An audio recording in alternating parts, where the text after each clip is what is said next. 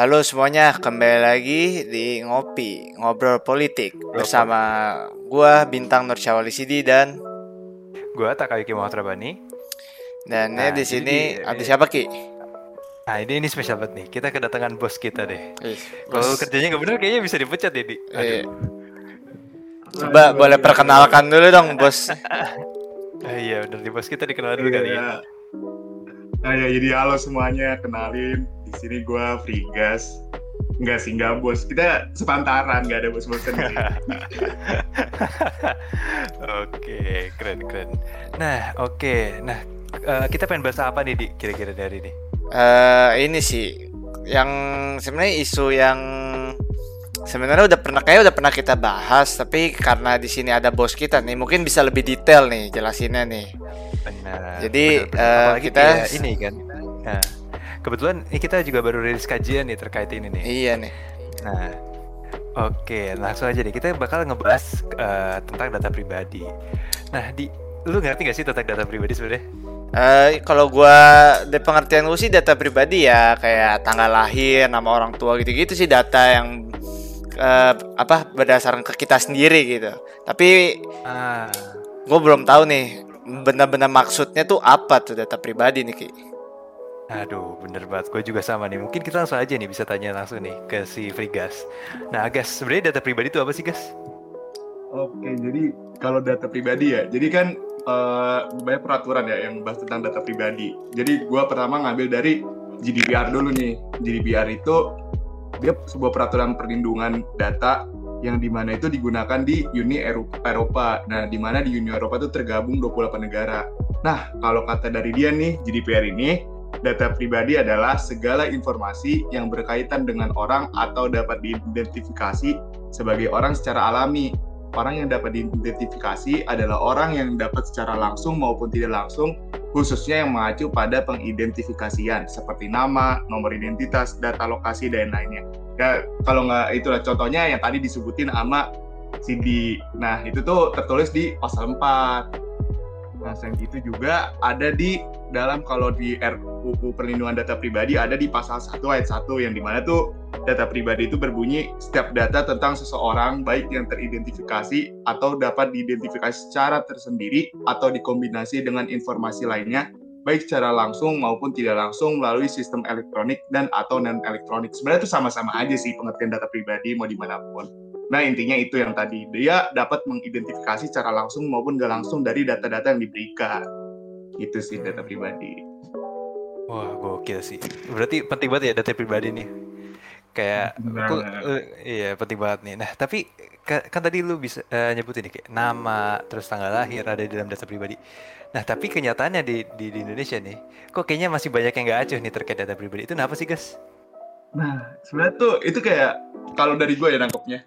Kita tuh banyak nggak terlalu acuh karena kita tuh sebenarnya kagak tahu data pribadi itu apa kayak kita misalnya nih kalau di Instagram di lihat teman-teman kita sering kan kita ngeliat kalau ada yang ulang tahun eh dia nge-SG nih itu kan bisa kan jadi data pribadi kita tahu nih kalau misalnya dia iya, umur 18 benar-benar. sekarang ntar dikurangin jadi tanggalnya berapa dapat nah kita tanggal lahirnya kapan kan itu dapat tuh tapi nggak Iya, tahu iya. tuh data pribadi apa sering banget kan kayak lo Hmm. pasti ada nemuin dah Ah iya bener juga, bener bener bener bener. Tapi kalau Ah, kayak iya. begitu nih guys, berarti itu bukan tandanya orang nggak peduli. Kadang orang Indonesia tuh masih belum ngerti nih. Nah betul banget di itu sebenarnya lebih nggak ngerti sih kayak banyak yang nggak tahu mana sih sebenarnya data yang penting ama nggak tahu gue tuh pernah ada tuh yang namanya kayak kalau lu pas lebaran kalau nggak salah itu banyak momen lebaran yang di mana coba dong share nomor lu nanti gue gopay apa gimana kan secara tidak langsung kayak ah udah gue share aja nomor gue nah itu kalau misalnya ada nomornya atau ya udah punya alamat atau apa kan jadi dia. Data bisa ngeidentifikasi orang itu. Nah kadang-kadang kita tuh nggak tahu sebenarnya data pribadi itu apa. Nah, nah, kan pasti kalau misal orang nggak ngerti nih guys, misalnya itu pasti kayak pasti dia ngerasa kayak ah bodoh amat gitu. Gua maksudnya ya apa sih kayak bahayanya tuh sebenarnya apa sih? Kalau misalnya lu menyebar data pribadi lu sendiri kan pasti orang-orang butuh dikasih tahu nih bahayanya apa biar mereka tuh ngeh ngerti gitu. Eh, kalau dari bahaya itu sebenarnya eh, kita tuh kayak kebanyakan kalau misalnya itu nggak terlalu berefek kita tuh kita kayak bodo amat sih. Jadi sebenarnya tuh bahayanya tuh nanti kalau misalnya data-data itu tuh udah di orang yang salah gitu. Mungkin kalau misalnya datanya belum di orang yang masih dia nggak ngerti itu mungkin aman-aman aja. Tapi nanti kalau misalnya dia dipegang nih sama yang suka pinjol-pinjolan tiba-tiba data lu dipakai ah itu kan kayak lu misalnya nggak tahu apa-apa tiba-tiba dipakai buat pinjol lu merasa apa ya? Sakit hati gitu lu nggak tiba-tiba lu ditagih gitu ya. Iya ditagih. Iya benar benar benar. gitu. Kayak email tuh biasanya email banyak tuh yang kena jadi korban. Kayak tiba-tiba email lu terdaftar di mana gitu. Kalau nggak salah kan ada tuh emailnya terdaftar di uh, provider mana gitu itu Nama gua, temen gua. itu gua iya, itu gua email gua terdaftar di provider first mate Lalu gua Waduh jangan sebut mereka merek kali. Nggak, sebut- iya oh iya iya provider provider maaf, maaf. Oke, wah gue kira ternyata korbannya lu sendiri ya di. tapi iya sih kalau gua lihat-lihat juga kan ada kan website yang buat ngecek kebocoran email itu kan ya Hmm. nah itu gua ada tuh email gua bocor di 11 situs gitu. Salah satu tok itu ya ya yang web Ya, ya, belanja belanja lah. Ya, hijau-hijau. Yang- Hijau-hijau lah ya. yang itulah toko online toko online itu lah. Ya toko online lah bener-bener. Sama gue juga tuh iya gue dapat dapat banyak banget tuh. Eh, pas gue cek ternyata banyak aja gue juga bocor. Gila sih emang. Oke gila. Oke gas. Terus ini kan ternyata udah penting nih ya. T- t- tadi kita udah bahas data pribadi itu ternyata penting. Nah tapi kondisi dari perlindungan data pribadi sendiri di Indonesia itu gimana sih guys sebenarnya? Aduh gimana ya? ya kalau perlindungan data di Indonesia sebenarnya misalnya dilindungin kan apa ya di, bocor iya. Kayaknya kita nggak ada dilindungi deh. Tapi gue nggak tahu ya kayak kemarin tuh rame banget nih yang di Twitter ya. Seorang pres seorang presiden nih seorang presidennya datanya KTP-nya terpampang di Google gitu. Aduh.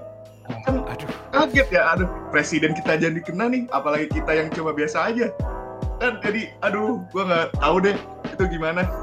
Nah terus kita juga banyak yang di mana tuh masih data-data kita dikasih ke open source. Yang di mana ya banyak yang bisa akses dulu sempat kemarin itu ada kominfo yang dari Medan kalau nggak salah. Itu tuh dia di websitenya nampilin datanya di open source kayak kan kayak orang lain bisa ngelihat gitu. Makanya ada kadang-kadang kita bingung tuh kalau kita udah berusaha ngejaga eh taunya data yang dipegang mah dikasih open source kan kita nggak bisa ngapa-ngapain lagi kan? Bener bener bener. Iya bener juga. Tapi ini guys kalau misalnya secara hukum di Indonesia gitu eh, apa sih kayak efek jerah yang diberikan oleh Indonesia gitu ke orang yang misalnya kayak eh menggunakan data pribadi orang lain yang secara ya secara bukan ininya bukan tujuannya tapi kayak ya secara salah lah gitu. Itu ada nggak sih sebenarnya hukumannya atau apa ya gitu Nah, sebenarnya di RUU PDP sendiri itu ada yang dinamanya kalau misalnya dia itu sampai terjadi gitu ada nama hukum pidananya. Kalau nggak salah di eh, pasal berapa itu tertulis tuh di sana. Nah, karena sampai sekarang itu belum ada kejelasan tentang hukum itu, jadinya ya udah gitu. Kalau bisa udah bocor tiba-tiba ada beritanya. Dan kadang-kadang tuh yang sedikit gak gue habis pikir, setidaknya kayak minta maaf itu kadang-kadang juga susah dari pihak yang merasa kebocoran kayak pasti dia melempar ini bukan salah Nah, siapa ini salah ini salah ini setidaknya minta maaf dulu kayak kan kayak Bener, salah bener, nih minta maaf dulu tapi nggak ada minta maafnya Iya emang bener-bener dilempar-lempar lah ya. Kalau misalnya Betul, misalnya Kemenkes kemarin kan, eh, Kemenkes kemarin Nah. lemparnya ke Kominfo gitu kan. Iya bener tuh. iya Nah, iya bener bener bener bener. Tapi ngomong-ngomong nih kayak oke lah, kayak eh, apa namanya? pribadi kita kayaknya masih kurang nih. Nah, kayaknya lihat secara realitinya gitu kan ya. Tapi banyak kasus gak sih guys? Kalau data sendiri. iya benar banyak banget sih kasus di apalagi baru-baru ini nih kayaknya di kalau kan gue sering aktif di Twitter juga ya. jadi kayak akhir-akhir ini ada yang kemarin Kemenkes dari BPJS ada yang EHATS itu kena lagi ya ehaj ehaj ada lagi ya kan itu kena lagi ada lagi yang tadi uh, open source nah yang terbaru tuh yang Jokowi aja sampai terpampang tapi setidaknya tuh dari kelihat apa presiden kita aja kena gitu Uh, mungkin pemerintah sekarang menjadi lebih aware ya Iya, berharap gitu loh, kayak, jadi "Oh, kayak- gue udah kena nih ah. berharap difokusin semakin lagi jaga. gitu ya betul Terus kasusnya ada apa lagi gitu? Maksudnya selain EH kan pasti banyak yang mungkin baru tahu EH doang nih. Jadi kayak nganggapnya ah baru sekali gitu. Padahal nggak sekali doang ya di Indonesia ya. betul bener sih kita tuh udah berkali-kali dan itu mungkin yang ketahuan ya gue nggak tahu juga yang belum ketahuan terakhir tuh pas yang sempet rame tuh Tokopedia tuh yang kayak tadi kan contohnya data email lu tuh yang kena. Email gue juga kena tuh dari Tokopedia.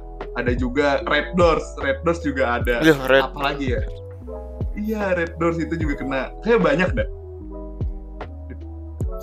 Itu kalau bocor gitu biasanya di ke mana itu datanya? Maksudnya bocornya itu bocor secara internasional atau bocor di Indonesia aja gitu?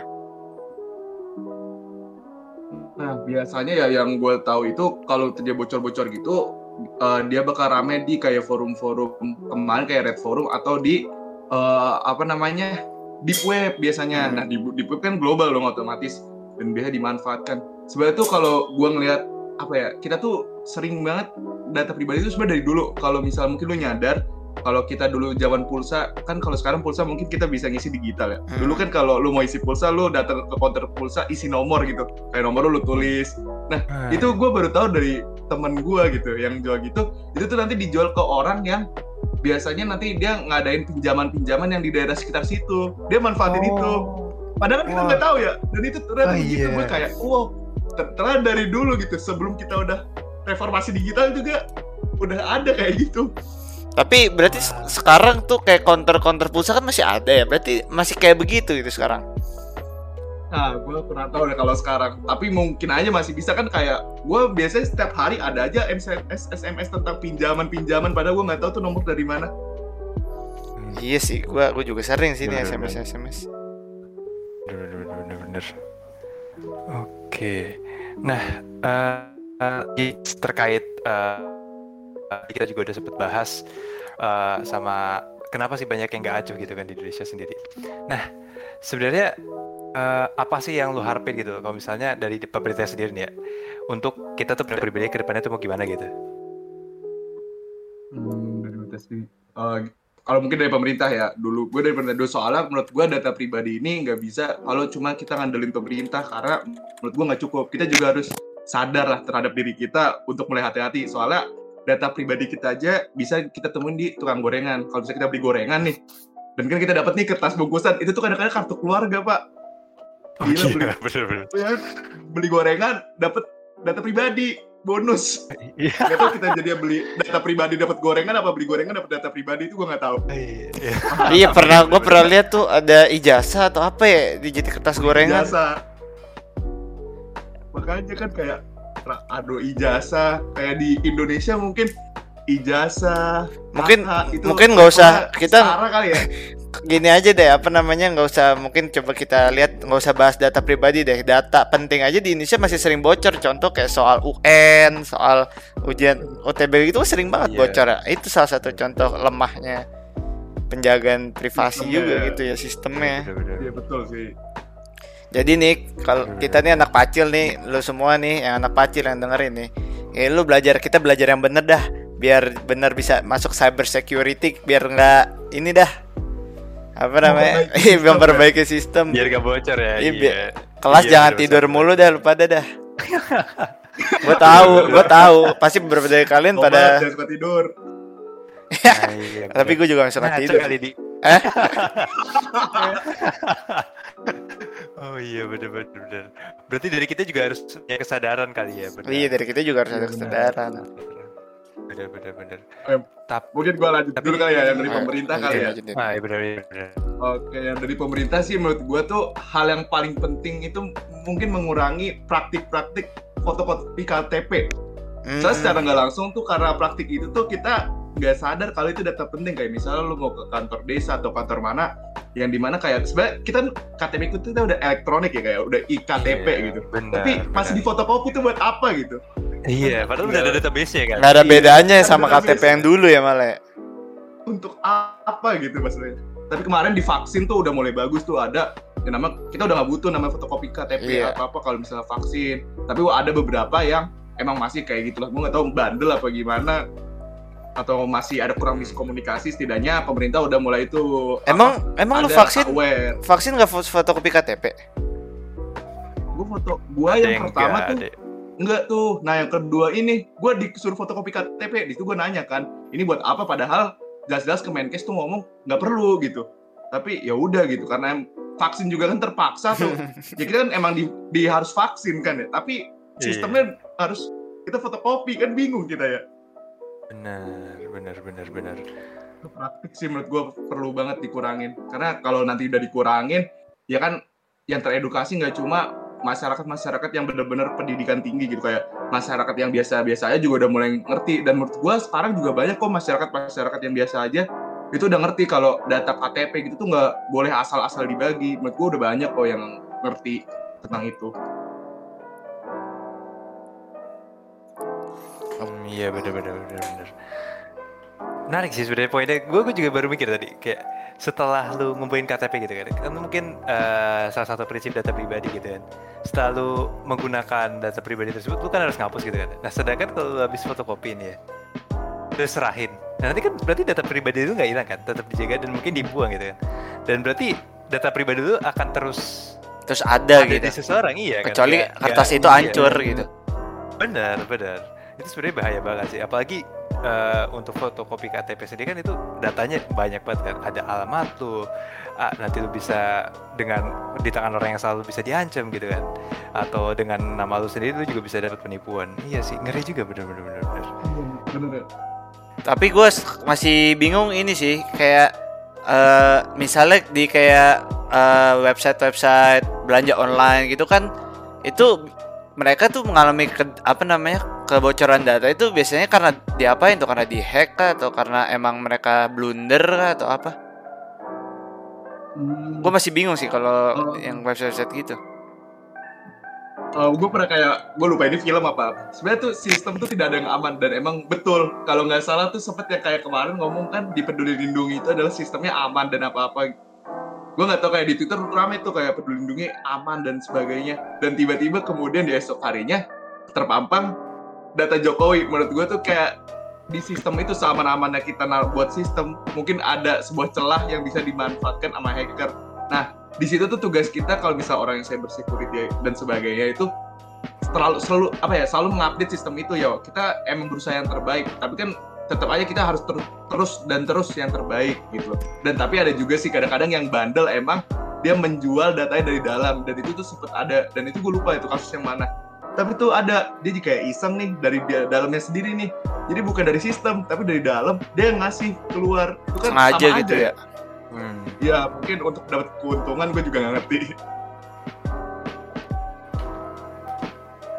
Kalau ini orang kan gue pernah lihat ya di website atau di apa karena dulu kan gue maksudnya eh, pernah lah kayak intinya butuh butuh kontak-kontak orang gitu kan. Nah terus gue pernah ngeliat juga di internet orang jual database nomor-nomor gitu itu itu maksudnya jualin nomor orang atau apa dah kalau orang jual database gitu biasanya.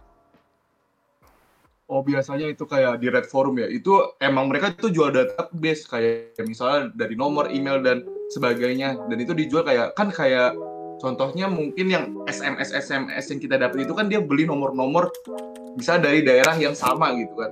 Itu dari datanya dia beli di situ yang di mana dia bisa nge-share gitu yang dia pengen kayak buka apa sedia uang pinjaman dan lain sebagainya atau misalnya eh, demografisnya juga bisa diambil buat nanti penelitian apalah buat pengembangan sebuah produk apalah mungkin itu juga bisa tapi kan cara itu ilegal ya tetap aja kayak data yang data yang diambil secara ilegal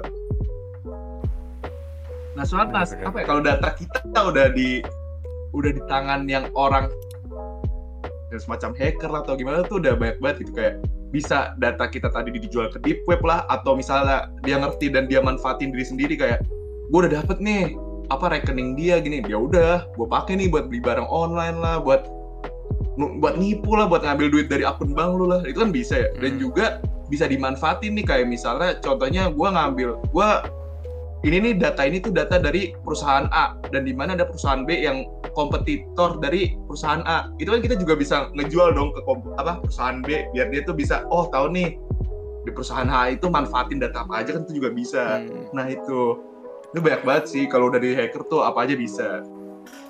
Sama juga kalau buat ngejaga data pribadi ya dari diri kita sendiri jangan ngepost macam-macam tentang diri kita di sosmed. Kan Betul. kan pernah lu lu lu pernah nggak sih misalnya kayak anak baru nyentuh 17 tahun, weh gue baru buat KTP, gue udah punya KTP di Ah, foto, iya, masukin betul-betul. story.